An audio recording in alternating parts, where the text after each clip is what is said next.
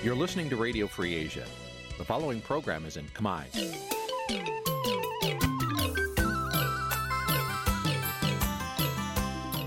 នេះជាកម្មវិធីផ្សាយ Vuthu Azizi Serai នេះជាកម្មវិធីផ្សាយរបស់ Vuthu Azizi Serai ជាភាសាខ្មែរ Vuthu Azizi Serai សូមស្វាគមន៍លោកអ្នកនាងទាំងអស់ពីរដ្ឋធានី Washington នៃសហរដ្ឋអាមេរិក ចាប់ពីរដ្ឋធានី Washington នាងខ្ញុំម៉ៅសុធានីសូមជម្រាបសួរលោកអ្នកស្ដាប់ទាំងអស់ជាទីមេត្រីចាយើងខ្ញុំសូមជូនការផ្សាយសម្រាប់ព្រឹកថ្ងៃអាទិត្យ10រោចខែសុចឆ្នាំឆ្លូវត្រីស័កពុទ្ធសករាជ2565ហើយដល់ត្រូវនឹងថ្ងៃទី31ខែតុលាគ្រិស្តសករាជ2021ជាដំបូងនេះសូមអញ្ជើញលោកអ្នកនាងកញ្ញាស្ដាប់ព័ត៌មានប្រចាំថ្ងៃដែលមានមេត្តាដូចតទៅ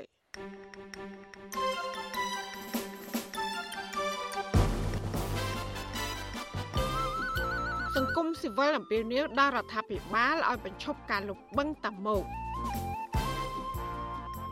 បរដ្ឋរងគ្រោះដោយសារទឹកជំនន់កើនឡើងជាង3000គ្រួសារនៅភ្នំពេញមតកិច្ចខាត់ខ្លួនមេបញ្ជាការអាវុធហត្ថក្រុងកោះចេះករណីប្រាអំពើហិង្សាធ្ងន់ធ្ងរលើក្មេងស្រីបំរើក្នុងផ្ទះ សកម្មជនប្រៃឈើធ្វើយុទ្ធនាការតស៊ូមតិលើកកម្ពស់ការយល់ដឹងពីបរិស្ថាន និងការអភិរក្សធនធានធម្មជាតិចារួមនឹងព័ត៌មានផ្សេងផ្សេងមួយចំនួនទៀតចាត់ជាបន្តទៅទៀតនេះនាងខ្ញុំម៉ៃសុធានីសូមជូនព័ត៌មានទាំងនោះពឺស្ដាប់ មន្ត្រីសង្គមស៊ីវិលបារម្ភថាទីក្រុងភ្នំពេញនឹងប្រឈមការលិចលង់និងបង្កផលប៉ះពាល់បរិស្ថានកាន់តែធ្ងន់ធ្ងរថែមទៀតគណៈផ្ទៃបឹងតមោកកាន់តែរូបតូចការព្រួយបារម្ភនេះគណៈដែលរដ្ឋាភិបាលសម្រាប់កាត់ផ្ទៃបឹងកប់ស្រូវឬក៏បឹងតមោកជិត40ហិកតាទៀតទៅឲ្យក្រុមមេដឹកនាំយោធា ដែលស្និទ្ធនឹងលោកហ៊ុនសែនចាប់ពីរដ្ឋធានី Washington លោកសនចន្ទរដ្ឋារាយការណ៍ព័ត៌មាននេះ សង្គមស៊ីវិលនៅអ្នកធ្វើការផ្នែកបរិស្ថានលើកឡើងថាការបន្តលុបបង្តមងបង្កផលប៉ះពាល់ដល់បរិស្ថានជីវៈចម្រុះនិងប្រវត្តិជាដើមពួកគេបារម្ភថាករណីនេះអាចបង្កមានការរំលោភសិទ្ធិមនុស្សផងដែរអ្នកជំនាញអភិបាលកិច្ចទឹកលោកហេមអាដាមលើកឡើងថាការបន្តលុបបង្តមងនេះគឺជាការបោះជំហានថ្មីមួយទៀតនៃការគិតខុសនៅក្នុងការអភិវឌ្ឍដែលខ្វះដំណាភាពនិងបង្កផលប៉ះពាល់ដល់សង្គមនិងប្រវត្តិលោកក៏សម្គាល់ថាផ្ទៃបឹងនេះ ត្រូវបានរដ្ឋាភិបាលកាត់ឲ្យមន្ត្រីរបស់ខ្លួនម្ដងហើយម្ដងទៀតអ្នកជំនាញរំនេះស្នើទៅស្ថាប័នពាក់ព័ន្ធបង្ហាញផលប៉ះពាល់និងផ្ដល់ព័ត៌មាននៃការកាត់ផ្ទៃបឹងតមងនេះឲ្យបានទូលំទូលាយយើងគួរតែគិតហើយខ្ញុំជឿថារាជរដ្ឋាភិបាលមានជាប្លង់មេជាផែនការអភិវឌ្ឍមេមួយដែលដែលគិតគូរទាំងជ្រុង ទាំងបរិស្ថានសេដ្ឋកិច្ចសង្គមនិងបញ្ហា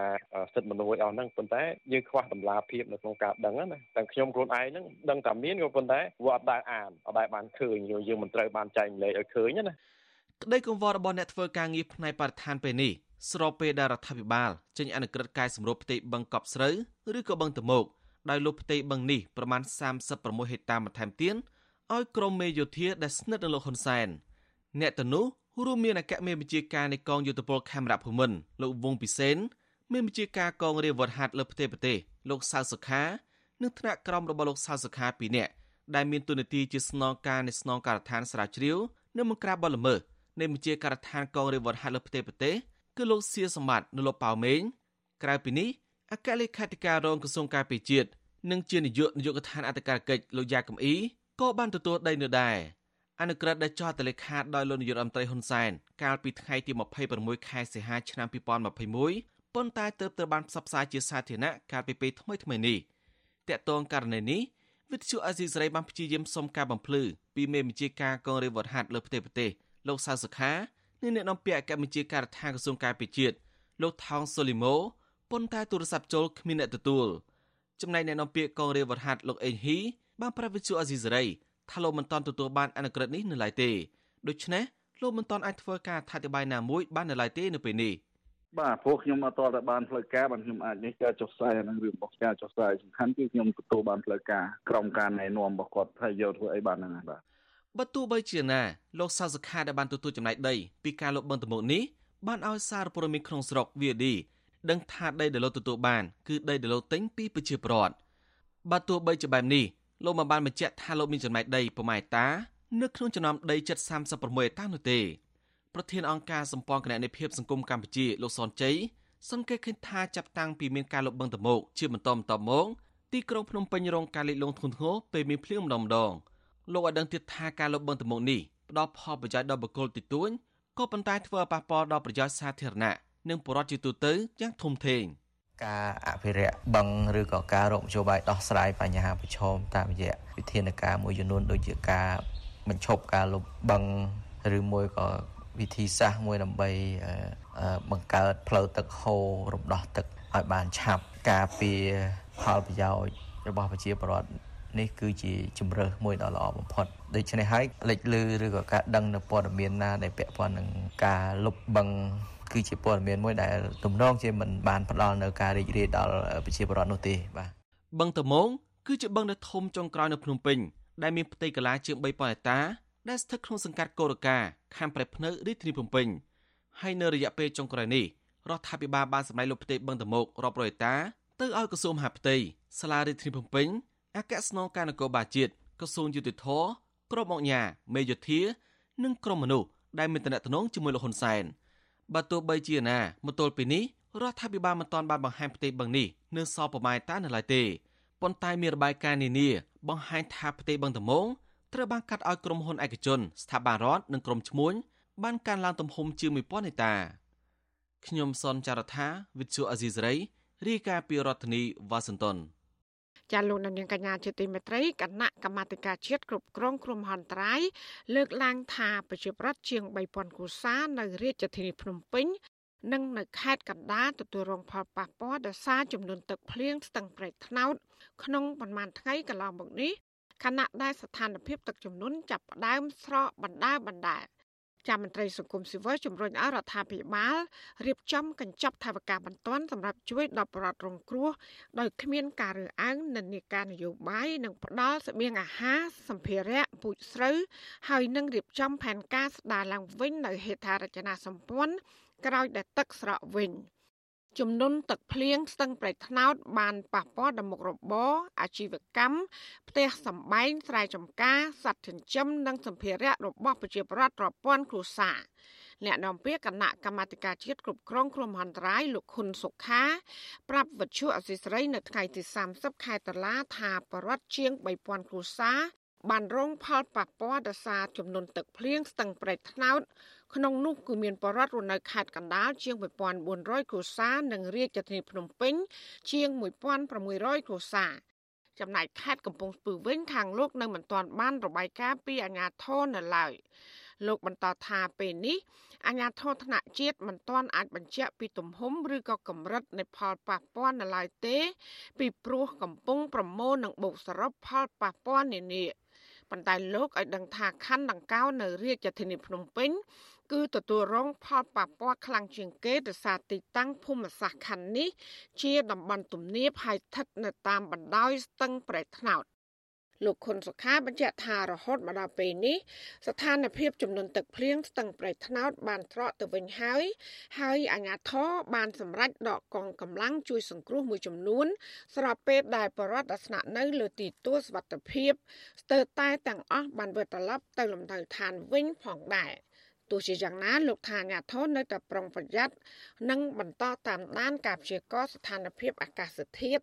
រហូតដល់ថ្ងៃទី2ខែវិច្ឆិកាខាងមុខមិនមែនតែស្រកមែនប៉ុន្តែយើងចាប់តាមមើលស្ថានភាពទៀតបាទថាតើវាឡើងយ៉ាងម៉េចវាគម្រាមហែងយ៉ាងម៉េចទៀតហើយមានការអន្តរាគមត្រៀមដូចដោយការយើងធ្វើមុនចឹងអាជ្ញាធរមូលដ្ឋានគាត់នៅតែតាមដានពិនិត្យមើលទៅលើអ្នកដែលនៅគាត់ខាតបាទទៅលើអ្នកដែលមិនទាន់ទៅថាហៅថាគាត់ពិតមា នតែទឹកស្រកគាត់វិលទៅវិញមែនប៉ុន្តែអ្វីដែលគាត់នៅមានសេចក្តីត្រូវការចាំបាច់អានឹងគេបន្តតាមមើលថ្លៃពេលនឹងទៀតចារីឯនៅភូមិសាស្ត្រខេត្តកំពង់ស្ពឺវិញ ទឹកជំនន់ក៏បានផ្ដើមស្រកទៅស្ថានភាពដើមវិញដែរអភិបាលខេត្តកំពង់ស្ពឺលោកវីសំណាងប្រាប់វត្ថុអសីស្រីថាចំនួនទឹកភ្លៀងនេះគឺបណ្ដាលឲ្យបរដ្ឋរស់នៅតាមសណ្ដោស្ទឹងប្រៃថ្នោតលិចលង់និងរងផលប៉ះពាល់ដល់សារស្រុកអរ៉ានិងស្រុកសំរោងទង ទទួលរងផ្ទៃទឹកភ្លៀងធំធេងចាត់លោកបញ្ជាក់ថាដំណាំត្រូវជាង400ហិកតាក្នុងចំណោម120,000ហិកតាបានខូចខាតគឺយើងបានប្រកាស គ្រប់អាជ្ញាធរក្រុងស្រុកត្រូវខិតខំតាមពិនិត្យមើលអំពីសុខភាពទាំងមនុស្សទាំងសត្វហើយមនុស្សនោះគឺយើងឲ្យផ្នែកសុខាភិបាលគាត់តាមពិនិត្យមើលគេលោមានជំងឺរាករូសឬជំងឺអីដែលកើតចេញពីការទឹកជំនន់ហ្នឹងហើយទី2គីឡូសត្វហ្នឹងវាទៅផឹកអីវាកើតមានរោគកើតអីចឹងប៉ុន្តែអត់មានទេបាទប៉ុន្តែអត់មានក៏ដោយគឺយើងបានដាក់វិធានការនោះភ្លាមភ្លាមដែរ ចាប្រជាប្រដ្ឋរងគ្រោះទឹកជំនន់នៅសង្កាត់សាក់អំពៅខណ្ឌដង្កោរាជធានីភ្នំពេញលោកអឿសំអាតឲ្យដឹងថាស្ថានភាពទឹកតំបន់នេះបានត្រកចុះបណ្ដាបណ្ដាហើយហើយកន្លែងខ្លះទឹកនៅកម្ពស់ត្រឹមចង្គង់និងចង្កេះលោកបន្តថាបរដ្ឋដែលជំលះនៅលើខ្នងទំនប់ជាង600គ្រួសារនៅមិនទាន់សម្រេចចិត្តវិលត្រឡប់ទៅផ្ទះវិញទេដែលពួកគេព្រួយបារម្ភទឹកជំនន់ហក់ឡើងម្ដងទៀត ចាលោកក៏បានត្អូញត្អែថាបញ្ហាទឹកចំនួននេះប៉ះពាល់ដល់ជីវភាពគ្រួសាររបស់លោកជាខ្លាំងជាពិសេសគឺបំណុលធនាគារខណៈដែលគ្រួសាររបស់លោក បានបាត់បង់ចំណូលស្ទើរតែទាំងស្រុងក្នុងអំឡុងវិបត្តិ COVID-19 និយាយរួមទៅតំណាំវាអស់ហើយទ្រព្យសម្បត្តិវាអាចប៉ះពាល់ប៉ះពាល់ដែលយើងយកទុកដាក់អត់តនបមួយចំនួនហើយកាលណាផ្លិចដែរហើយខ្ញុំវិញភ័យធនាគារពាក់មេគារពាក់ហ្នឹងទឹកខ្ទេចអស់ពី ថតហ្នឹងរួយបារម្ភឡើងហ្នឹងដោយសារយើងទៅវិញវាពេកបាច់វាស្អុយវាលួយសัตว์ងាប់សัตว์អីចឹងទោះជាស្ថានភាពទឹកជំនន់បានត្រកចុះបន្តិចក្តី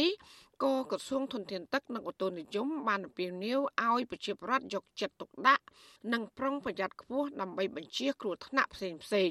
ព្រោះថាអាចនឹងមានភ្លៀងធ្លាក់នៅខេត្តមួយចំនួនចាប់ពីថ្ងៃទី27ខែតុលារហូតដល់ថ្ងៃទី2ខែវិច្ឆិកា ទោះយ៉ាងណាអគ្គលេខាធិការសហព័ន្ធនិស្សិតបញ្ញវន្តកម្ពុជា លោកគៀនពន្លកសង្កេតឃើញថាអាញាធរហាក់ឆ្លើយតបទៅនឹងតម្រូវការចាំបាច់របស់ប្រជាប្រដ្ឋរងគ្រោះដោយសារទឹកជំនន់ដូចជាការជំលះការផ្ដល់ស្បៀងអាហារនិងការដោះស្រាយផលប៉ះពាល់នៅមានកម្រិតនៅឡើយលោកព្រួយបារម្ភថាបើអាញាធរមិនត្រៀមខ្លួនរៀបចំផែនការឲ្យបានច្បាស់លាស់ដើម្បីបញ្ជៀសនិងទប់ស្កាត់ការលុបបង្កស្ទឹងនិងព្រែកធម្មជាតិដែលជាកន្លែងស្តុកទឹកនិងរំដោះទឹកនោះទេចំនួនទឹកភ្លៀងអាចកើតឡើងដដែលនិងធ្ងន់ជាងនេះទៅទៀតនៅរាជធានីភ្នំពេញហ្នឹងគឺមានផលប៉ះពាល់ខ្លាំងណាស់ចំពោះប្រជាពលរដ្ឋជាពិសេសហ្នឹងគឺបាត់បង់កន្លែងដែលបណ្ដោះទឹកនៅពេលដែលទឹកជន់លិចម្ដងម្ដងគឺប្រជាពលរដ្ឋគាត់ពិបាករកស៊ីចិញ្ចឹមជីវិតនិងការរស់នៅរបស់គាត់ណាប្រសិនបើអាជ្ញាធរនៅតែបន្តទៀតខ្ញុំគិតថាការលិចលងនេះមិនមែនត្រឹមតែមួយឆ្នាំទេ ចំនួនទឹកភ្លៀងស្ទឹងប្រៃថ្នោតហក់ឡើងខ្លាំងចាប់តាំងពីថ្ងៃទី24ខែតុលាជន់លិចភូមិសាស្ត្រសង្កាត់មួយនេះ នៅខណ្ឌដង្កោខណ្ឌកំពូលនៃរាជធានីភ្នំពេញរួមទាំងស្រុកនិងក្រុងមួយចំនួននៅខេត្តកណ្ដាលនិងខេត្តកំពង់ស្ពឺ បរដ្ឋឲ្យដឹងថាគ្រោះមហន្តរាយនេះ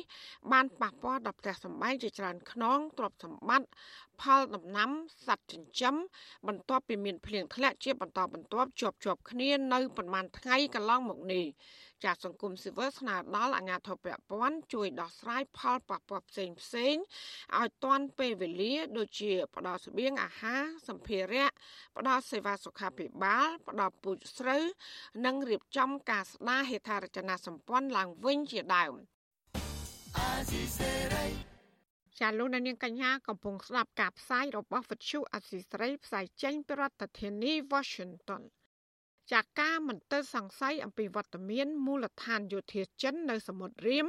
នៅតែជាប្រធានបទចម្រូងចម្រាសរវាងកម្ពុជានិងសហរដ្ឋអាមេរិកជាពិសេសគឺនៅពេលមានរបាយការណ៍ចេញផ្សាយជាបន្តបន្ទាប់អំពីលទ្ធភាពដែលមហាអំណាចចិនអាចបង្កើតមូលដ្ឋានកងទ័ពរបស់ខ្លួននៅលើទឹកដីកម្ពុជា។ តើការដែលអាមេរិកបារម្ភពីវត្តមានមូលដ្ឋានយោធាចិននៅសមុទ្ររៀមកម្ពុជានេះ គឺជារឿងសំហេតុសំផលដែរឬទេចាលោកនាងនឹងបានស្ដាប់បទវិភាគជំវិញបញ្ហានេះនាពេលបន្តិចទៀតនេះចាសសូមអរគុណ thank you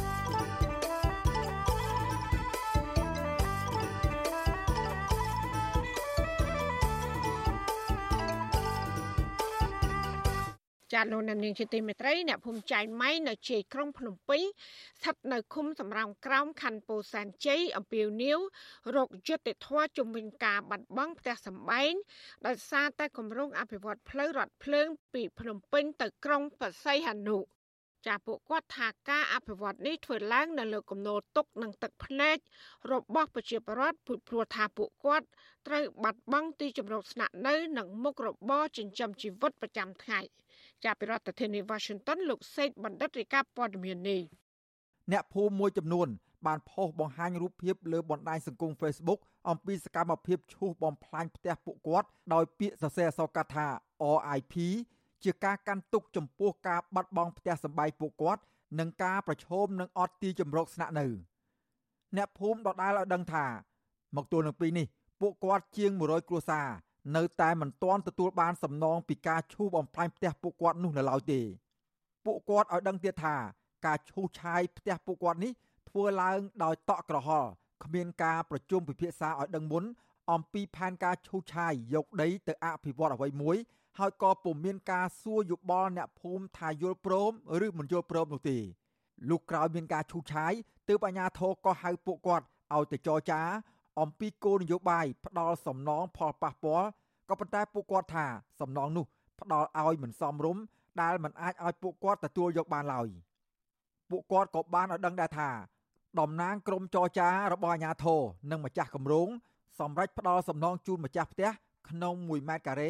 350ដុល្លារក៏ប៉ុន្តែពួកគាត់សូមដំឡើងថ្លៃជាងនេះបន្ថែមទៀតដើម្បីឲ្យសមរម្យតាមតម្លៃទីផ្សារ និងអាចឲ្យពួកគាត់មានលទ្ធភាពទៅរកទិញដីនិងផ្ទះនៅកន្លែងផ្សេងបានផងអ្នកភូមិចែងម៉ែងលោកស្រីនុតម៉ារីប្រាប់បទសុអាស៊ីសេរីកាលពីយប់ថ្ងៃទី31តុលាម្សិលមិញថា ផ្ទះម្ដាយគាត់សង់ពីថ្មទំហំ18គុណនឹង16ម៉ែត្រកម្ពស់2ជាន់ត្រូវអាជ្ញាធរនិងក្រុមហ៊ុន ប្រើគ្រឿងចាក់ឈូសបំផ្លាញចោលទាំងស្រុងចំណែកម្ចាស់ផ្ទះបានត្រឹមតែអង្គុយយំសោកស្ដាយផ្ទះដែលធ្លាប់រស់នៅសុខសាន្ត និងជាកន្លែងរកស៊ីចិញ្ចឹមជីវិតជាង10ឆ្នាំមកហើយនោះលោកស្រីក៏បានអះអាងដូចអ្នកភូមិដទៃទៀតដែរថាការឈូសឆាយនេះអាជ្ញាធរមិនបានជូនដំណឹងឬហៅទៅចរចាអំពីសំណងផលប៉ះពាល់ជាមុននោះឡើយខ្ញុំជាប្រជាពលរដ្ឋធម្មតាមិនមានអ្វីទៅតតាំងជាមួយអីគេទេសូមត្រឹមតែយុទ្ធធរសូមឲ្យរាជរដ្ឋរាជរដ្ឋាភិបាលគាត់ស្វែងរកយុទ្ធធរឲ្យពួកមេខ្ញុំតែមិនត្រូវបានទទួលសំណង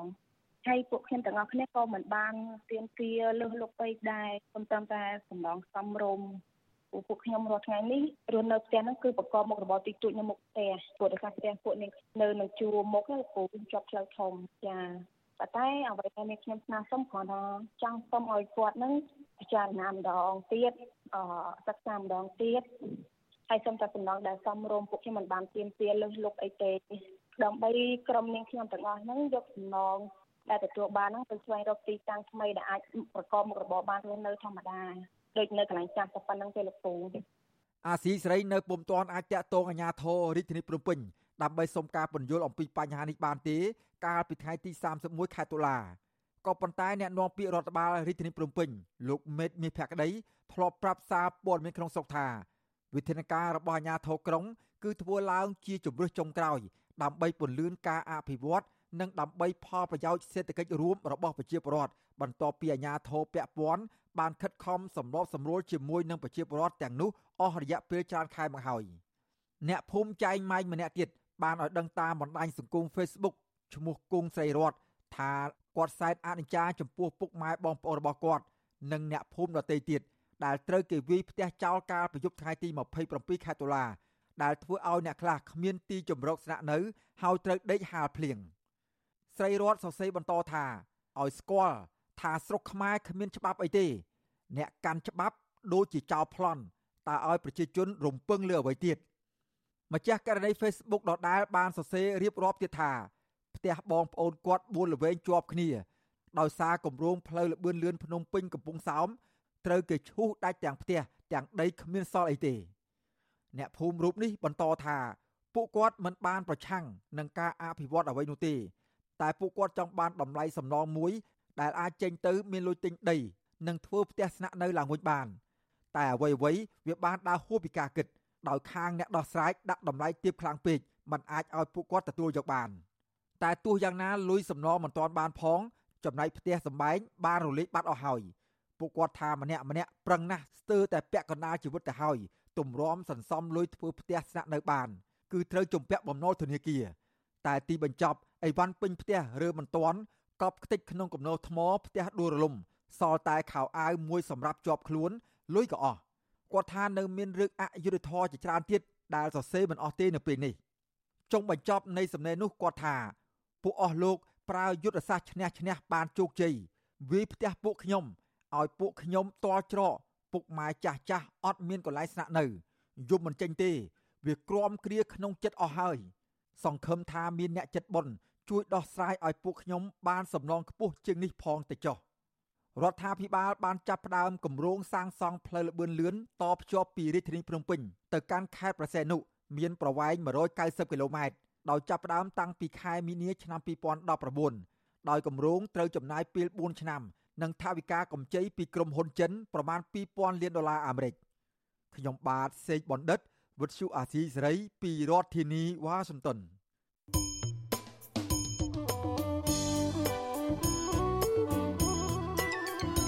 លោកអ្នកនាងកញ្ញាកំពុងស្ដាប់ការផ្សាយរបស់វិទ្យុអាស៊ីសេរីផ្សាយចេញពីរដ្ឋធានី Washington ចាវិទ្យុអសីស្រីផ្សាយតាមរលកធាតុអាកាសខ្លីឬ short wave តាមកម្រិតនិងកម្ពស់ដូចតទៅ ពេលព្រឹកចាប់ពីម៉ោង5កន្លះដល់ម៉ោង6កន្លះតាមរយៈរលកធាតុអាកាសខ្លី9390 kHz ស្មើនឹងកម្ពស់ 32m ហើយនឹង11850 kHz ស្មើនឹងកម្ពស់ 25m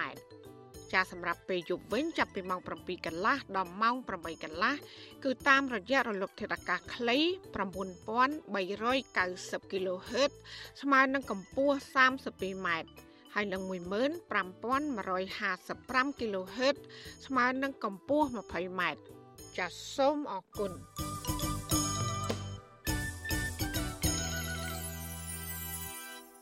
ចាលោកនាងកញ្ញាកំពុងស្ដាប់ការផ្សាយរបស់វិទ្យុអាស៊ីស្រីផ្សាយចេញពីរដ្ឋធានី Washington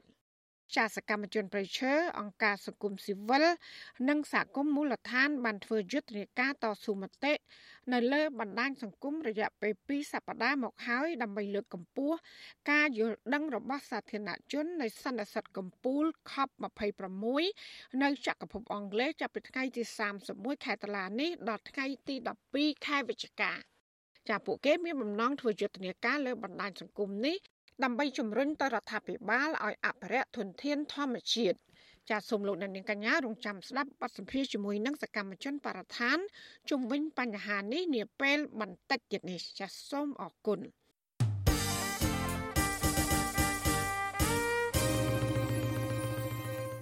ចាលោកអ្នកស្ដាប់ជាទីមេត្រីពាក់ព័ន្ធនឹងករណីស្លាប់ដោយសារជំងឺ Covid-19 វិញ គឺបានកើនឡើងដល់ជិត2800នាក់ហើយក្រោយពីមានអ្នកជំងឺ ចំនួន18នាក់ទៀតបានស្លាប់ចាក្នុងនោះមាន5នាក់មិនបានចាក់វ៉ាក់សាំងគិតត្រឹមប្រថ្ងៃទី30ខែតុលាកម្ពុជាមានអ្នកកើតជំងឺ Covid-19 សរុបជិត120,000នាក់ក្នុងនោះ គឺមានអ្នកជាសះស្បើយមានជាង110,000នាក់ ចាក្រសួងសុខាភិបាលប្រកាសថាគិតត្រឹមថ្ងៃទី29ខែតុលារដ្ឋាភិបាល បានចាក់វ៉ាក់សាំងជូនប្រជាពលរដ្ឋដែលគ្រប់អាយុបានស្ទើរតែ100%ក្នុងចំណោម10លាននាក់ចំណែកកុមារនិងយុវជនដែលមានអាយុពី6ឆ្នាំដល់17ឆ្នាំវិញ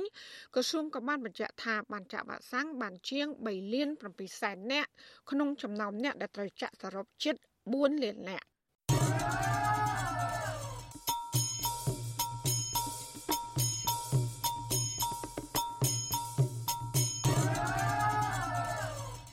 ចាលោកនៅនាងកញ្ញាជាទីមេត្រីនៅឯប្រទេសថៃនៅវិញ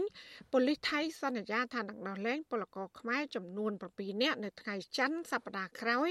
ក៏ប៉ុន្តែតម្រូវឲ្យពួកគេបង់លុយដើម្បីធ្វើបានការងារស្របច្បាប់ទើបព្រមដោះលែងវិញអ្នកខ្លំមើលរឿងនេះជំរុញឲ្យអាជ្ញាធរថៃយោគយល់ចំពោះពលករពីព្រោះថាពួកគាត់គ្មានការងារធ្វើនិងគ្មានប្រាក់ចំណូលអស់ជាច្រើនខែមកហើយ ចាប់ពីរដ្ឋធានី Washington លោកយុនសាមៀនរាយការណ៍ព័ត៌មាននេះប៉ូលីសថៃបានចាប់បញ្ជូនពលករខ្មែរចំនួន7នាក់ទៅឃុំខ្លួនបណ្ដោះអាសន្នក្នុងពន្ធនាគារនៃការិយាល័យប៉ូលីសអន្តោប្រវេសន៍ទីក្រុងបាងកកតាំងពីរសៀលថ្ងៃទី29ដុល្លារមកពលករធ្វើសំណង់ជាមួយក្រុមពលករដែលត្រូវអាជ្ញាធរថៃចាប់ខ្លួនគឺលោកឆៃលឿងប្រាប់វត្ថុអាស៊ីសេរីថា អ្នកត្រូវចាប់ខ្លួនមានប្រុស3នាក់និងស្រី4នាក់ លោកថាការឆ្មក់ចាប់នេះធ្វើឡើងនៅមុខក្រសួងការងារថៃក្នុងពេលពួកគេកំពុងដាក់ញត្តិស្នើសុំដំណោះស្រាយផ្នែកការងារលោកឆៃលឿងរៀបរាប់ថាប៉ូលីសថៃមួយក្រុមបានចុះមកត្រួតពិនិត្យពលករទាំងអស់ដែលឈរដាក់ញត្តិនៅមុខក្រសួងការងារកាលពីថ្ងៃទី29ដុល្លារដើម្បីរកឯកសារបញ្ជាក់ការងារហើយប៉ូលីសថៃបានចាប់ពលរដ្ឋ7នាក់បញ្ជូនទៅប៉ុស្តិ៍ប៉ូលីសរួចហើយបញ្ជូនបន្តទៅពន្ធនាគារនៃការិយាល័យអន្តោប្រវេសន៍ទីក្រុងបាងកក ក្រោយមកពលករជាច្រើនអ្នកបានទៅសុំអង្វរប៉ូលីសថៃឲ្យដោះលែងពលករទាំង7នាក់មកវិញនិងបានប្រាប់មូលហេតុថាពួកគាត់គ្មានប្រាក់ចំណូលហើយគ្មានការងារធ្វើច្រើនខែហើយទើបពួកគាត់គ្មានលទ្ធភាពធ្វើបានការងារស្របច្បាប់ពលករឲ្យដឹងថាការធ្វើបានការងារម្ដងមានសុពលភាព2ឆ្នាំហើយត្រូវចំណាយលុយសរុបទាំងរត់ការនិងថ្លៃសេវារដ្ឋប្រហែល400ដុល្លារ លោកឆៃលឿងបន្តថាប៉ូលីសបានសន្យាថាពួកគេនឹងដោះលែងពលករទាំង7នាក់វិញ តែតម្រូវឲ្យពលករបង់លុយក្នុងម្នាក់700ដុល្លារដើម្បីយកទៅធ្វើបានការងារស្របច្បាប់ទើបព្រមដោះលែងវិញនៅដើមសប្តាហ៍ក្រោយ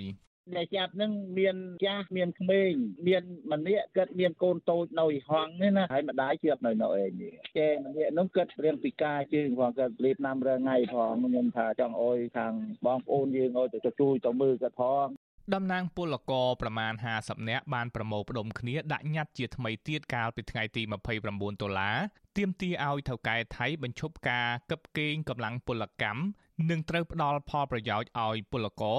ឲ្យបានត្រឹមត្រូវតាមច្បាប់ក្រមពលករអះអាងថាថៅកែជនជាតិថៃជាច្រើននៅតែបន្តកិច្ចវេះពីការទទួលខុសត្រូវលើពលករដោយមិនបានផ្ដល់ប្រាក់ឧបត្ថម្ភ50%និងថ្លៃអាហារហូបចុក3ពេលឲ្យពលករទេក្នុងអំឡុងពេលវិបត្តិជំងឺ Covid-19 ពលករថាបញ្ហានេះគឺបណ្ដាលមកពីក្រសួងការងារថៃចោះធ្វើអធិការកិច្ចគ្មានប្រសិទ្ធភាពពលករផ្នែកសំណង់ម្នាក់ដែលបានចូលរួមដាក់ញត្តិកាលពីថ្ងៃទី29 លោកមុតមុលឲ្យដឹងថាក្នុងពេលប្រទេសថៃជួបវិបត្តិជំងឺ Covid-19 ធ្ងន់ធ្ងរជាច្រើនខែមកនេះអាជ្ញាធរថៃបានបិទតំបន់មួយចំនួនហើយរដ្ឋាភិបាលថៃបានបង្គាប់ឲ្យថៅកែផ្ដល់ប្រាក់ឧបត្ថម្ភឲ្យពលករពាក់កណ្ដាលក្នុងមួយខែផ្ដល់ជូនកន្លែងស្នាក់នៅឲ្យបានសមរម្យនិងផ្ដល់អាហារសមរម្យក្នុងមួយថ្ងៃ3ពេលឲ្យពលករ លោកអះអាងថាថៅកែភៀកច្រើនមិនគោរពកាតព្វកិច្ចនេះទេហើយឆ្លៀតឱកាស COVID-19 នេះលែងរវល់និងដោះដៃចោលពលករតែម្ដង ពីបន្ទប់យើងអត់មានការងារធ្វើប្រកាន់សង្គមគេជួយយើង50%ប៉ុន្តែកន្លែងខ្លះបានតែ25%ដូចកន្លែងខ្ញុំទៅដើមនេះបងដូចកន្លែងគេផ្សេងថាណាគេអត់ចឹងណាបងបានយើងដាក់ដំណើរទៅខាងក្រសួងហ្នឹងដើម្បីជួយត្រួតពិនិត្យបញ្ហាត្រង់នេះបន្តិចណាបងហ្នឹងហើយខ្លាចមានរលួយកើតឡើងចឹងបងហ្នឹងហើយតកែឲ្យយើងឬក៏ក្រសួងគេចេញមកហើយប៉ុន្តែតកែកាត់យកពីយើងទៅបងអត់ឲ្យយើងចឹងណា នេះជាលើកទី3ហើយដែលតំណាងមូលនិធិពលករខ្មែរនៅប្រទេសថៃនាំគ្នាដាក់ញត្តិទៅក្រសួងការងារថៃចាប់តាំងពីថៃជួបវិបត្តិជំងឺ Covid-19 ពីខែមីនាមកការដាក់ញត្តិទៅក្រសួងការងារថៃទាំង3លើកនេះក្នុងគោលបំណងតែមួយគត់គឺសូមរដ្ឋាភិបាលថៃគិតគូរដល់ពលករខ្មែរផងទោះបីជាយ៉ាងណាតំណាងពលករមិនបានទៅរកកិច្ចអន្តរាគមន៍ ឬដាក់ញត្តិនៅស្ថានទូតខ្មែរនៅទីក្រុងបាងកកនោះទេ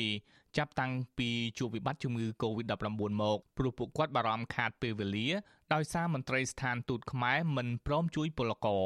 ពាក់ព័ន្ធទៅនឹងករណីនេះវិទ្យុអាស៊ីសេរីមិនអាចសុំការបញ្ជាក់ពីឯកអគ្គរដ្ឋទូតកម្ពុជា លោកអូកសុភ័ណ្ឌបានទេនៅថ្ងៃទី30ដុល្លារ ចំណែកបណ្ដាញសង្គម Facebook របស់ស្ថានទូតខ្មែរនៅប្រទេសថៃក៏មិនបានបង្ហោះសារតាក់ទងទៅនឹងស្ថានភាពរបស់ពលករខ្មែរក្នុងរយៈពេល2សប្តាហ៍ចុងក្រោយនេះកាលពីចុងខែមិថុនាក្រមមូលនិធិពលករខ្មែរក៏ធ្លាប់បានដាក់ញត្តិទៅរដ្ឋសភាថៃ និងគណៈរដ្ឋមន្ត្រីថៃដែរដើម្បីស្នើសុំឲ្យមានដំណោះស្រាយជុំវិញបញ្ហាប្រឈមនៃជំងឺ Covid-19 ដែលជះឥទ្ធិពលធ្ងន់ធ្ងរមកលើពលករខ្មែរធ្វើការនៅក្នុងប្រទេសថៃស្ថាប័នរដ្ឋរបស់ថៃទាំងអស់តែងតែចេញមកទទួលញត្តិនិងអញ្ជើញតំណាងពលករចូលជជែករកដំណោះស្រាយហើយសន្យាជាមួយតំណាងកម្មករនឹងជួយដោះស្រាយឲ្យជានិច្ច ប្រធានមូលនិធិពលករខ្មែរប្រចាំប្រទេសថៃលោកសុនសេហាសង្កេតឃើញថាអ្វីត្បិតតែខាងក្រសួង បានសន្យាថាជួយពលករខ្មែរមែនតែច្រើនខែមកនេះមន្ត្រីក្រសួងការងារថៃចោះធ្វើអធិការកិច្ចបានផលតិចតួចបំផុតលោកបន្តថាថៅកែខ្លះបានបាំងព័ត៌មានស្ដីពីស្ថានភាពពលករហើយថៅកែខ្លះទៀតយកពលករទៅលាក់បំពួននៅពេលក្រុមអធិការកិច្ចចុះមកពិនិត្យជាហេតុធ្វើឲ្យការធ្វើអធិការកិច្ចមានភាពទន់ខ្សោយ លោកបន្តទៀតថាក្រមពលករស្ទើរទាំងអស់កំពុងជួបការលំបាកក្នុងការធ្វើបានការងារនិងបន្តសុពលភាពបានការងារព្រោះតែការអូសបន្លាយនៃវិបត្តិជំងឺ Covid-19 និងបញ្ហាគ្មានប្រាក់ចំណូល ពួកយើងបានទៅធ្វើហ្នឹងក៏ចង់ផ្សព្វផ្សាយទៅដល់អន្តរជាតិក៏ដូចជាអង្គការ ILO ជាអង្គការគ្រប់គ្រងសិទ្ធិពលករអន្តរជាតិប្តីហ្នឹងឲ្យបានដឹងថានៅក្នុងប្រទេសថៃហ្នឹងមិនបានគោរពទៅតាមគោលការណ៍ច្បាប់អន្តរជាតិទេពាក់ព័ន្ធនឹងការគាំពៀសិទ្ធិពលករ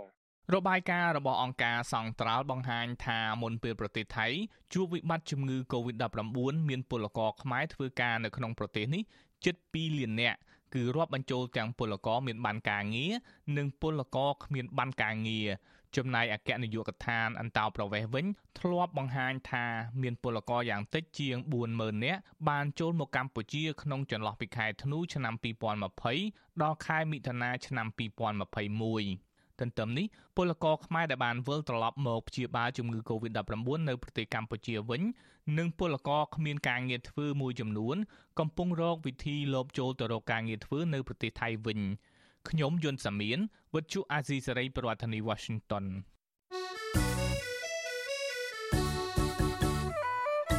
ចាលោកនាងជាទីមេត្រីក្នុងឱកាសនេះដែរនាងខ្ញុំសូមថ្លែងអំណរគុណ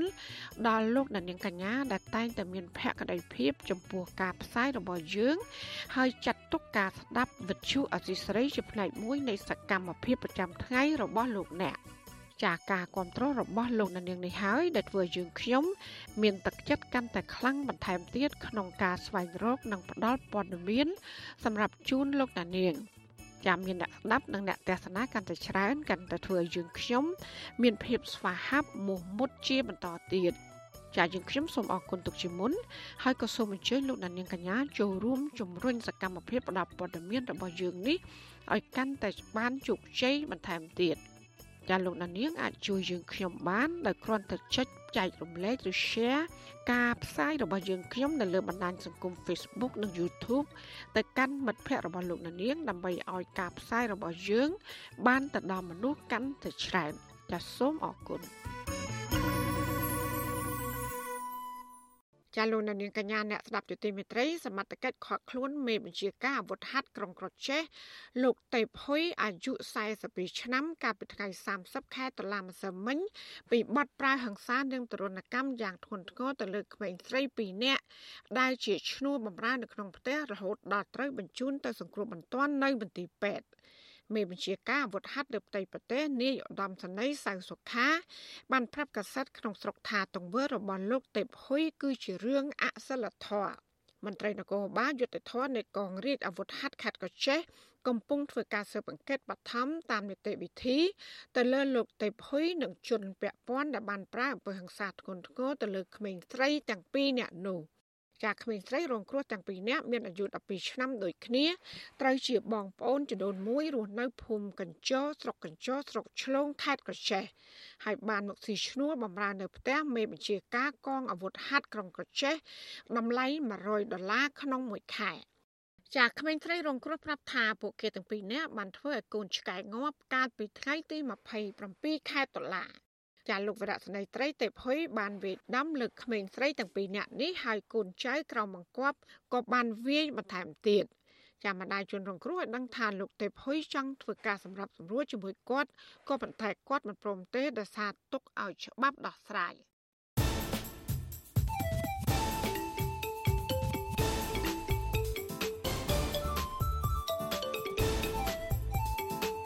បាត់វិភាគ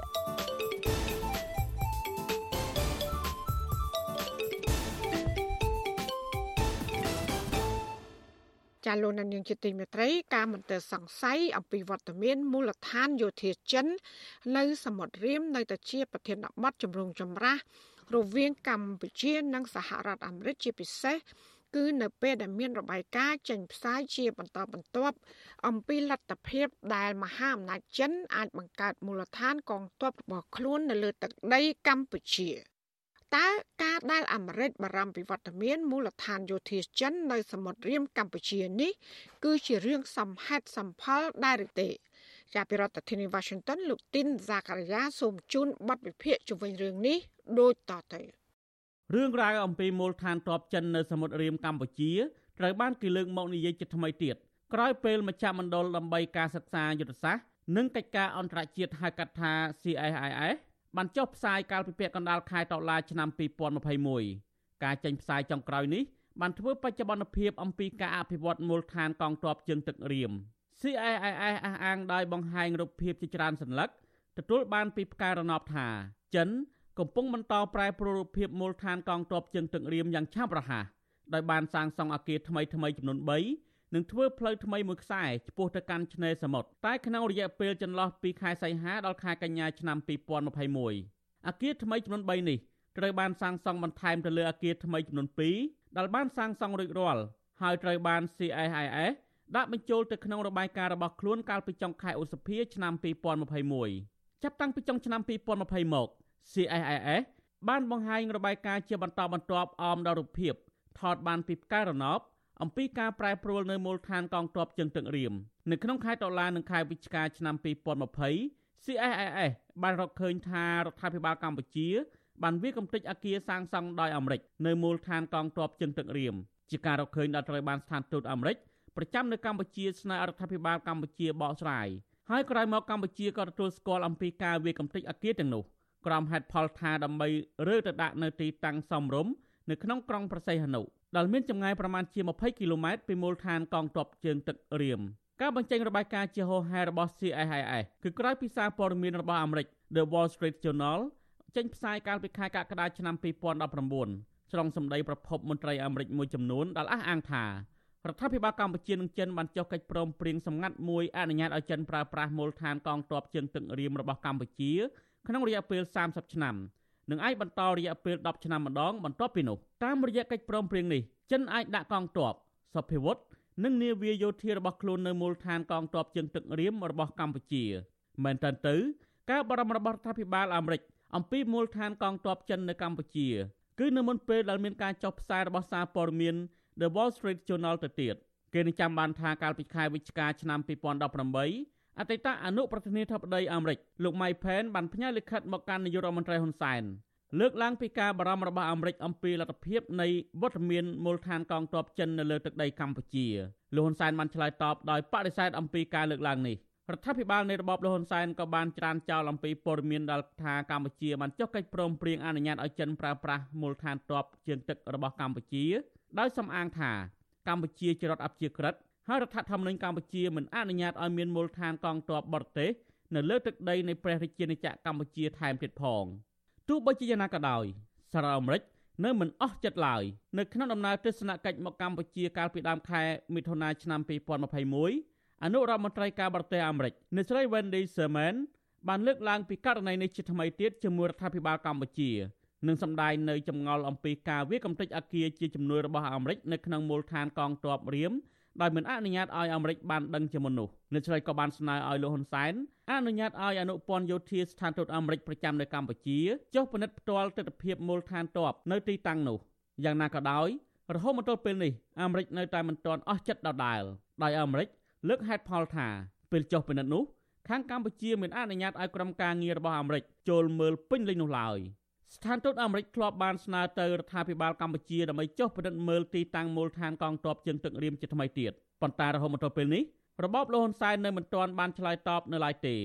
ចំពោះរបាយការណ៍ចេញផ្សាយចុងក្រោយបង្អស់របស់ CSIS ដែលថាចិនកំពុងតែបដូរប្រែមូលដ្ឋានទ័ពជើងទឹករៀមដោយសាងសង់អគារថ្មីបន្ថែមយ៉ាងលឿនរហ័សនោះហាក់មិនត្រូវបានមន្ត្រីនៃក្រសួងការពារជាតិកម្ពុជា គិតថាជារឿងប្លែកឡើយចំពោះការចោទប្រកាន់នេះនឹងអះអាងថាអគារសាងសង់ថ្មីទាំងអស់នោះគ្មានអ្វីក្រៅពីជាអគារស្នាក់នៅនោះទេទោះបីជាយ៉ាងណាក៏ដោយចុះបញ្ហានេះបើសិនជាមិនបង្ហាញឲ្យមានដំណាភាពនោះទេ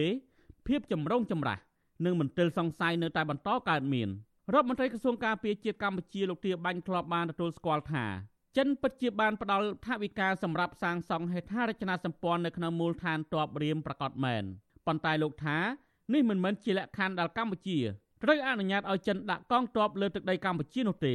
ថ្មីបើដូច្នេះក្តីសកម្មភាពមិនប្រក្រតីនិងមន្ទិលសង្ស័យមួយចំនួនធ្លាប់ត្រូវបានបង្កើតឡើងដោយរដ្ឋាភិបាលកម្ពុជាដែលកំពុងតែធ្វើឲ្យអាមេរិកនៅតែបន្តបារម្ភអំពីបញ្ហានេះជាការពិតណាស់រដ្ឋាភិបាលកម្ពុជាធ្លាប់បានស្នើថវិកាពីសហរដ្ឋអាមេរិកដើម្បីជួសជុលអគារឡើងវិញដែលជាជំនួយសាងសង់របស់អាមេរិកនៅមូលដ្ឋានកងទ័ពរៀមប៉ុន្តែក្រោយមក កម្ពុជាបានបដិសេធមិនទទួលយកជំនួយរបស់អាមេរិកវិញមិនត្រឹមតែបដិសេធជំនួយរបស់អាមេរិកប៉ុណ្ណោះទេរដ្ឋាភិបាលកម្ពុជាថែមទាំងបានវាកំទេចអគារដែលជាជំនួយរបស់អាមេរិកចោលថែមទៀតផងដោយមិនប្រាប់ឲ្យអាមេរិកដឹងមុនមួយម៉ាត់ទាល់តែសោះលើសពីនេះទៀតនៅពេលក្រុមការងារនៃអនុព័ន្ធយោធាស្ថានទូតអាមេរិកចុះពិនិត្យផ្ទាល់ដល់ទីតាំងមូលដ្ឋានទ័ពរៀមភាគីកម្ពុជាមិនបានអនុញ្ញាតឲ្យក្រុមការងារអាមេរិកចូលមើលគ្រប់ទីកន្លែងឡើយ ហើយនៅពេលអាមេរិកស្នើចុះសុំពិនិត្យមើលជាថ្មីរបបលោកហ៊ុនសែនក៏មិនទាន់អនុញ្ញាតទៀតក្រៅពីនេះការបង្កើនល្បឿនសាងសង់អគារនិងផ្លូវថ្មីថ្មីនៅក្នុងទីតាំងមូលដ្ឋានទ័ពដែលបានផ្លាស់ប្តូររូបភាពមូលដ្ឋានយ៉ាងឆាប់រហ័សក៏កំពុងតែបង្កើតនៅមន្ទិលសង្ស័យថ្មីបន្ថែមទៀតដែរក្រៅពីនោះអាចនឹងមានហេតុផលមួយចំនួនទៀតដែលអាមេរិកគួរបារម្ភអំពីលទ្ធភាពនៃវត្តមានមូលដ្ឋានយោធាចិននៅកម្ពុជាទាំងក្នុងពេលបច្ចុប្បន្ននិងអនាគត មជ្ឈមណ្ឌលដើម្បីការសិក្សាយុទ្ធសាស្ត្រនិងកិច្ចការអន្តរជាតិ CSIS បានចុះផ្សាយកាលពីខែតុលាឆ្នាំ2020ថារបបលហ៊ុនសែនបានជួលផ្ទៃដីដែលមានទំហំធំនៅជុំវិញមូលដ្ឋានទ័ពរៀមទៅឲ្យក្រុមហ៊ុនចិនដែលក្រុមហ៊ុនខ្លះមានទំនាក់ទំនងជាមួយរដ្ឋចិនក្នុងចំណោមក្រុមហ៊ុនទាំងអស់នេះមានក្រុមហ៊ុនមួយឈ្មោះថា Canopy Sand Development Group ដែលជាក្រុមហ៊ុនបត់សម្ព័ន្ធរបស់ក្រុមហ៊ុន Prin Real Estate Group ក្រុមហ៊ុននេះ កំពុងអភិវឌ្ឍមួយផ្នែកនៃឆ្នេរសមុទ្រនៅទិសខាងជើងនៃមូលដ្ឋានកងទ័ពជើងទឹករៀមរូបភាពពីផ្កាយរណបបង្ហាញថាក្រុមហ៊ុននេះបានចាប់ផ្ដើមយកដីជិត5គីឡូម៉ែត្រប៉ែកខាងជើងនៃមូលដ្ឋានទ័ពរៀមកាលពីខែកុម្ភៈចាប់តាំងពីពេលនោះមកក្រុមហ៊ុននេះបានចាក់ដីលុបចូលឆ្នេរសមុទ្រទំហំប្រហែលជា100អាដោយមិនដឹងថាយកទៅធ្វើអ្វីឡើយការចុះផ្សាយរបស់គេហទំព័រ Construction Property កាលពីខែកុម្ភៈឆ្នាំ2020ក្រុមហ៊ុនចិន Canopy Sand Development Group មានផែនការវិនិយោគក្នុងទំហំទឹកប្រាក់16,000លានដុល្លារអាមេរិកដើម្បីអភិវឌ្ឍឆ្នេរសមុទ្ររៀមឲ្យក្លាយទៅជាតំបន់រមណីយដ្ឋានលើផ្ទៃដីទំហំជិត850ហិកតាក្នុងនោះក៏នឹងមានការអភិវឌ្ឍឆ្នេរខ្សាច់ថ្មីចំនួន2ផងដែរគេហទំព័រដដាលឲ្យដឹងថាគម្រោងទីក្រុងរៀមគឺជាផ្នែកមួយនៃគម្រោងទីក្រុង Naga របស់ក្រសួងទេសចរដែលគ្របដណ្ដប់លើផ្ទៃដីជាង3000ហិកតាគម្រោងនេះនឹងភ្ជាប់ឆ្នេររៀមឆ្នេរអូត្រេសឆ្នេរអូឈើទាល និងប្រលានយន្តហោះឲ្យคล้ายទៅជាតំបន់ទេសចរនិងសេដ្ឋកិច្ចដ៏សំខាន់មួយក្នុងករណីនេះបើសិនជាទីក្រុងព្រះសីហនុអាចคล้ายទៅជាទីក្រុងឧស្សាហកម្មសែនសែនរបស់ចិននៅកម្ពុជាដោយការចង់បានរបស់រដ្ឋាភិបាលនិងបើសិនជាចិនអាចមានមូលដ្ឋានទ័ពនៅរៀមដោយការចាប់ប្រកាន់នោះមែនចិនប្រហែលជាអាចគ្រប់គ្រងតំបន់ឆ្នេរសមុទ្ររៀមកម្ពុជាលាតសន្ធឹងពីមូលដ្ឋានទ័ពជើងទឹករៀមរហូតដល់តំបន់អភិវឌ្ឍន៍តារាសាគរនៃខេត្តកោះកុង ដែលកំពុងទទួលរងនឹងការចោទប្រកាន់ថាអាចត្រូវបានប្រើប្រាស់សម្រាប់វិស័យយោធារបស់ចិនមួយទៀតដែរនោះគម្រោងអភិវឌ្ឍតារាសាគរនៅខេត្តកោះកុងត្រូវបានរដ្ឋាភិបាលកម្ពុជាផ្ដល់ទៅឲ្យក្រុមហ៊ុនចិន Union Development Group ធ្វើការអភិវឌ្ឍរយៈពេល99ឆ្នាំក្នុងទឹកប្រាក់3800លានដុល្លារអាមេរិកប៉ុន្តែគម្រោងអភិវឌ្ឍនេះដែលមានទាំងការសាងសង់ប្រលានយន្តហោះនិងកំពង់ផែសមុទ្រទឹកជ្រៅកំពុងរងការចោទប្រកាន់ថាអាចត្រូវបង្កើតឡើង សម្រាប់បម្រើដល់វិស័យយោធារបស់ចិន ការកាន់កាប់កំពង់ផែនិងមូលដ្ឋានទ័ពជើងទឹក នៅបរទេស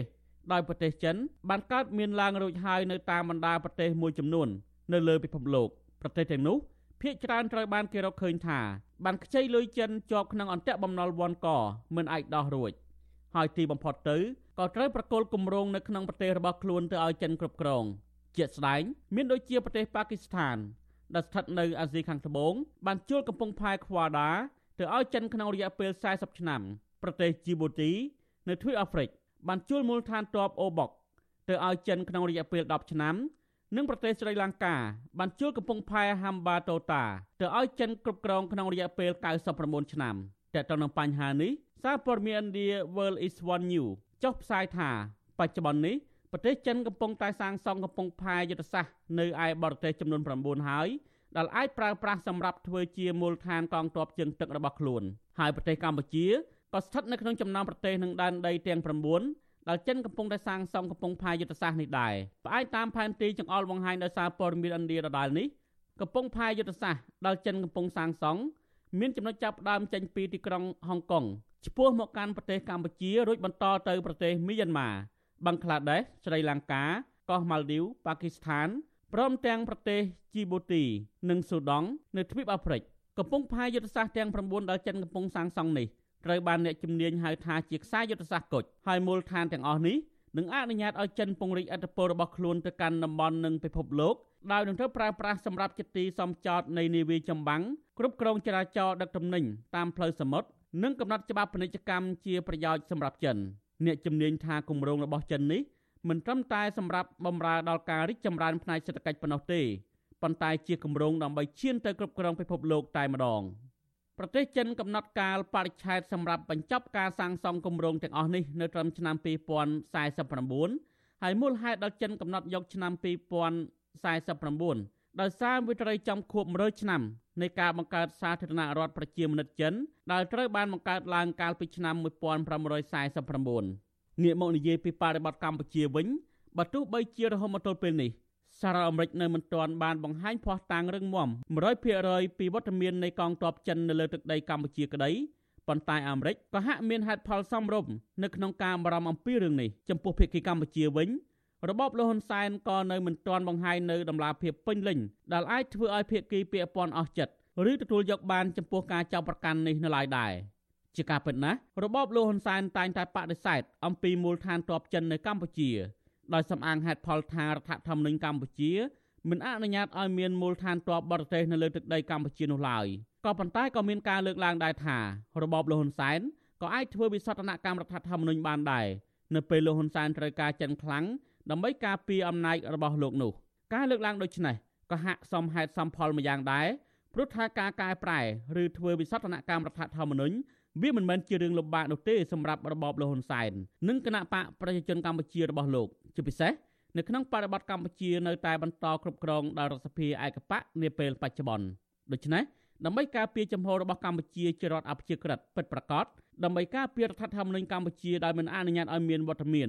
ឬមូលដ្ឋានយោធាបរទេសនៅលើទឹកដីកម្ពុជាពិតប្រាកដបាននិងដើម្បីការពារផលប្រយោជន៍ជាតិរបស់កម្ពុជានៅចំពោះមុខនៃការប្រជែងឥទ្ធិពលរបស់មហាអំណាចនៅក្នុងតំបន់និងជាពិសេសដើម្បីឲ្យសហគមន៍អន្តរជាតិអស់មន្ទិលសង្ស័យអំពីវត្តមាននៃមូលដ្ឋានយោធាចិននៅកម្ពុជា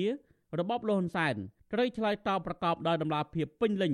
ដើម្បីឲ្យគ្រប់ភាគីទទួលយកបានបើមិនដូច្នោះទេភាពចម្រូងចម្រាសនិងមន្ទិលសង្ស័យ នៅតែបន្តកើតមានជារៀងរហូតខ្ញុំទីនសាការីយ៉ាអសិលសេរីប្រធានីវ៉ាស៊ីនតោន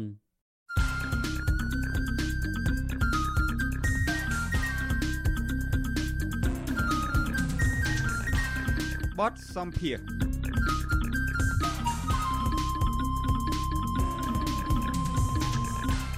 ចាលោកអ្នកស្ដាប់ជាទីមេត្រី សកម្មជនប្រៃឈើអង្គការសង្គមស៊ីវិល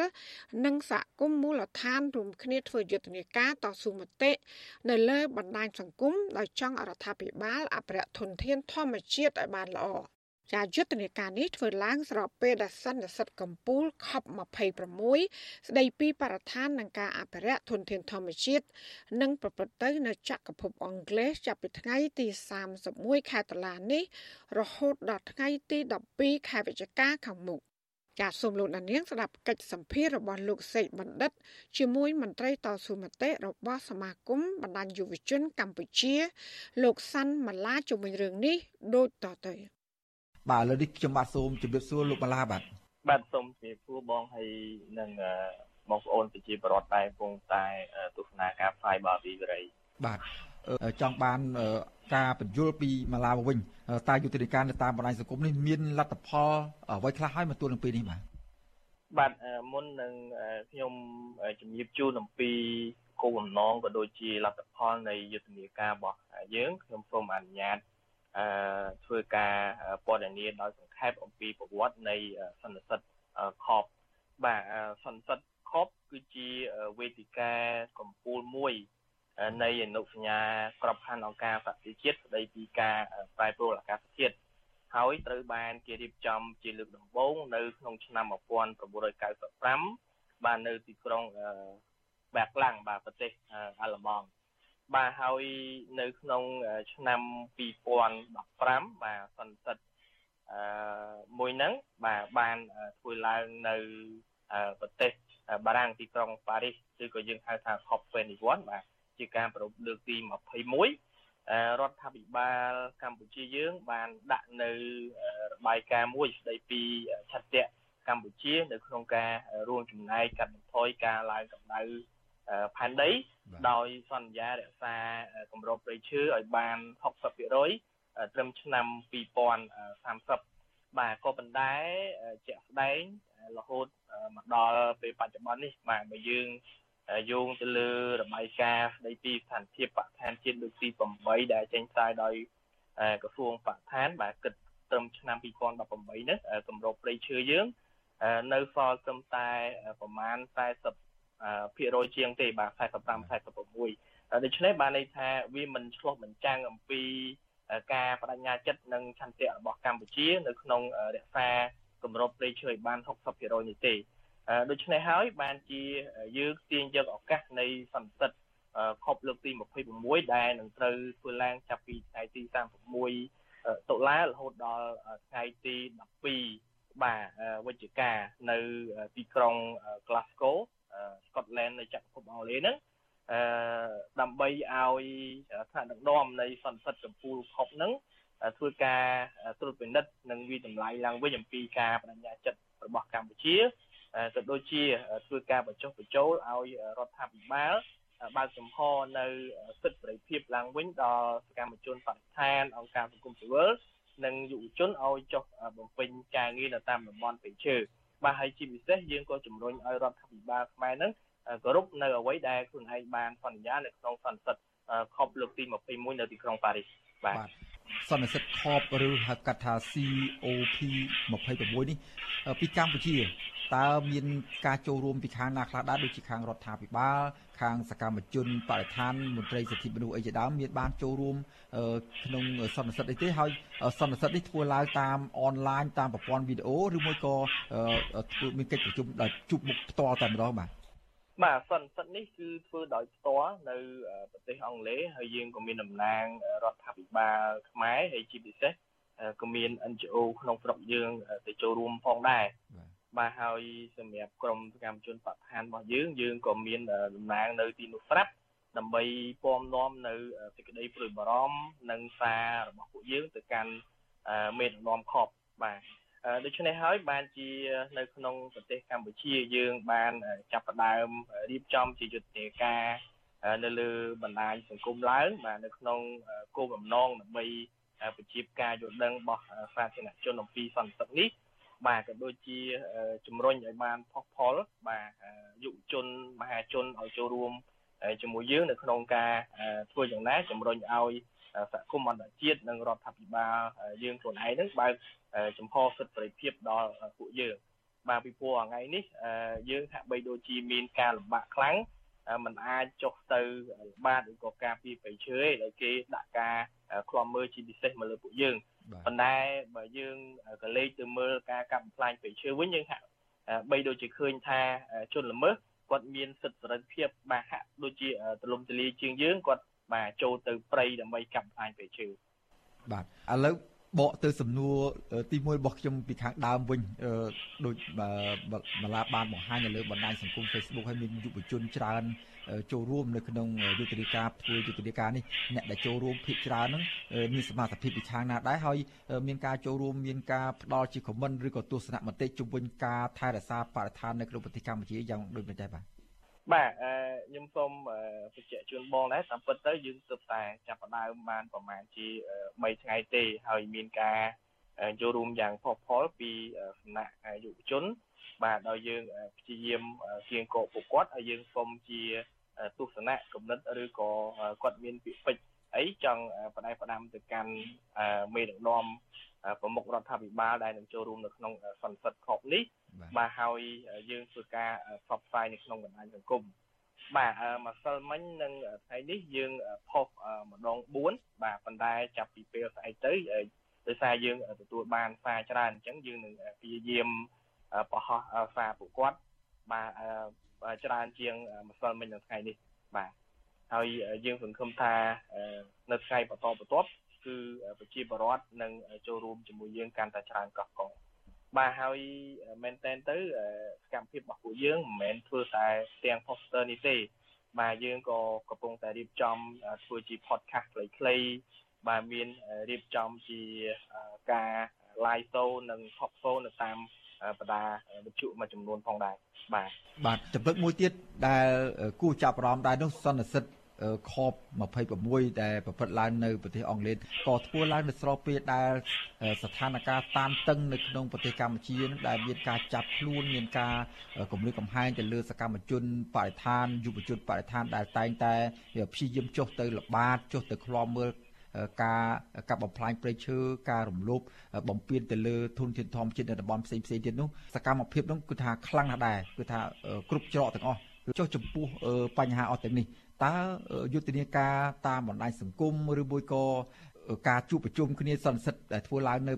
ចក្រភពអង់គ្លេសហៅថា COP ទី26នេះនឹងជះឥទ្ធិពលយ៉ាងណាខ្លះទេទៅដល់ស្ថានភាពជាក់ស្ដែងនៅក្នុងប្រទេសកម្ពុជាពាក់ព័ន្ធនឹងបញ្ហាអភិរក្សបរិស្ថាននេះបាទ បាទខ្ញុំគិតថាសន្និសិទ COP លើកទី26នេះវាជាឱកាសល្អមួយសម្រាប់យុវជនយើងហើយក៏ជាក្តីសង្ឃឹមសម្រាប់ស្ដារស្ថានភាពបរិស្ថាននៅក្នុងប្រទេសកម្ពុជា បាទពីព្រោះយើងមើលឃើញថាមួយរយៈចុងក្រោយនេះរដ្ឋាភិបាលបានរដ្ឋបិទខ្លាំងមែនទែនលើសកម្មភាពរបស់ពួកយើងបាទនិងសកម្មភាពរបស់សហគមន៍មូលដ្ឋាន ដូច្នេះហើយនៅក្នុងផែនការរបស់យើងហ្នឹងគឺយើងគ្រោងបាទធ្វើជាអឺញត្តិមួយបាទដែលនឹងគៀងគោការគ្រប់គ្រងពីអង្គការសង្គមស៊ីវិលក្នុងស្រុកក៏ដូចជាអង្គការថ្នាក់តំបន់បាទដើម្បីដាក់ជូនទៅដល់ប្រមុខរដ្ឋាភិបាលដែលអញ្ជើញចូលរួមនៅក្នុងសន្និសីទខប់លើកទី26ហើយជាពិសេសនៅប្រទេសអង់គ្លេសវិញ ក៏មានក្រមសកម្មជនបកឋាននៅប្រទេសអង់គ្លេសគាត់បានរៀបចំជាយុទ្ធនាការបាទជិះកង់ពីទីក្រុងឡុងដុងបាទទៅស្កុតឡែនដែរបាទទីក្រុង Glasgow ហ្នឹងបាទហើយនៅក្នុងយុទ្ធនាការជិះកង់របស់ពួកគាត់ក៏បាន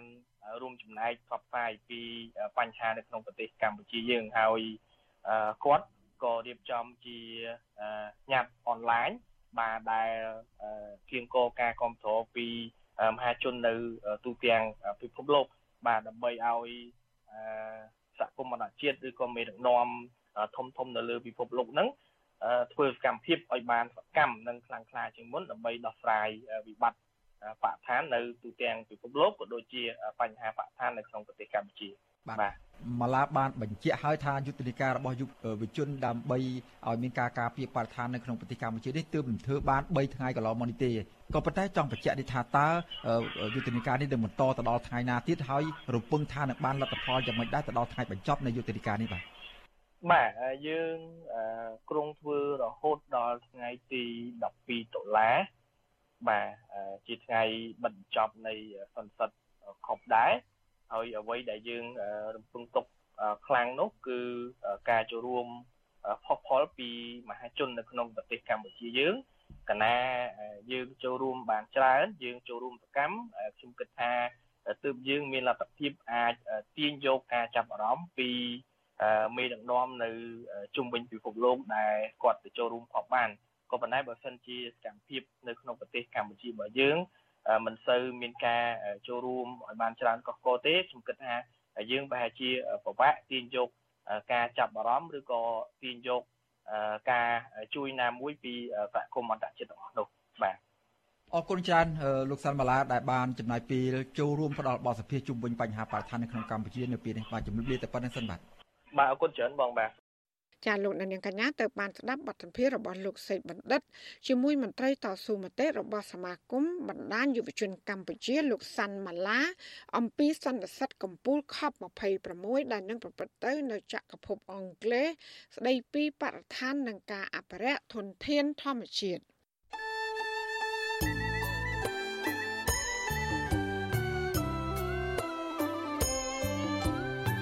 ចាលោកនាងកញ្ញាអ្នកស្ដាប់យុតិមេត្រីកັບផ្សាយរយៈពេល1ម៉ោងនៃវិទ្យុអាស៊ីស្រីជាភាសាខ្មែរនៅពេលនេះចាប់តែប៉ុណ្ណេះចាយើងខ្ញុំទាំងអស់គ្នាសូមជូនពរលោកនាងព្រមទាំងក្រុមគូសាទាំងអស់សូមជួបប្រកបតែនឹងសេចក្តីសុខសេចក្តីចម្រើន ជានិរន្តរ៍ចានាងខ្ញុំម៉ៃសុធានីព្រមទាំងក្រុមការងារទាំងអស់នៃវិទ្យុអាស៊ីស្រីសូមអរគុណនិងសូមជម្រាបលា